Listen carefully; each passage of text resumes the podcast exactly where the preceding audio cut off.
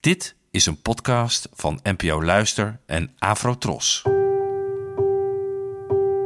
Poëzie vandaag. Met Ellen Dekwits.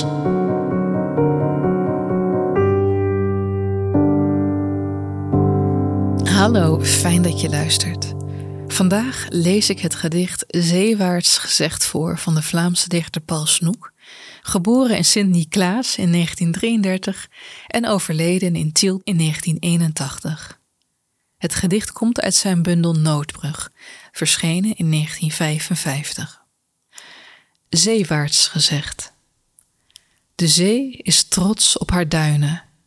Brekens gereed houdt zij de duinen bestendig. Ze heeft haar kusten lief en kust ze. De zee plant zich voort in het water. De zee is voedzaam als een rijpe boomgaard. Zij is de moeder van de grootste sterren. De zee is een regen van goedheid. Beken het maar, zij is onmisbaar. De zee blijft zoals altijd altoos vrede, want in de zee werd nog niemand mishandeld. Ik, uh, ik hou al jaren in een apart bestand mijn favoriete gedichten bij en daar zitten er meerdere van de Vlaamse dichter Paul Snoek tussen. Zijn werk bevat prachtige lofzangen op zowel natuur als lust. Ze zijn soms sprookjesachtig of mythisch en dan weer heel nuchter. Snoek's werk is zo veelzijdig dat dit ene vers slechts een flart toont van zijn kunnen, maar ik wilde je het toch niet onthouden voor vandaag. In dit gedicht wordt de zee gepersonificeerd, oftewel, de zee krijgt menselijke eigenschappen toegeschreven. Zo is ze trots op haar duinen en heeft ze haar kusten lief.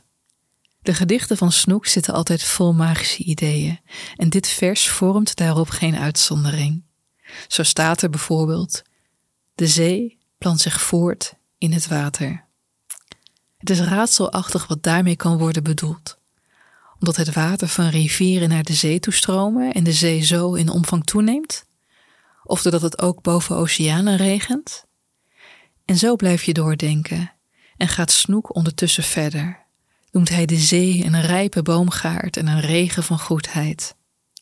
De zee is, omdat het hier nog steeds een personificatie betreft, met andere woorden een fijn persoon. En dan toch zijn er opeens die laatste twee regels. De zee blijft altoos vrede, want in zee werd nog niemand mishandeld. En daar begint het bij mij te vonken. Is dat namelijk zo? Is de zee veilig en vredig en werd er nooit iemand mishandeld? Mensen zijn toch gekielhaald in vroeger tijd? Of gedrongen door piraten om van een plankje af te springen om vervolgens te verdrinken? En zo komt de tekst op scherp te staan en wil je hem misschien wel opnieuw lezen en ga je je langzamerhand afvragen wie hier het gevaarlijkst is: de zee of de mens die haar inzet om anderen weer leed te berokkenen. Bedankt voor het luisteren en tot de volgende keer.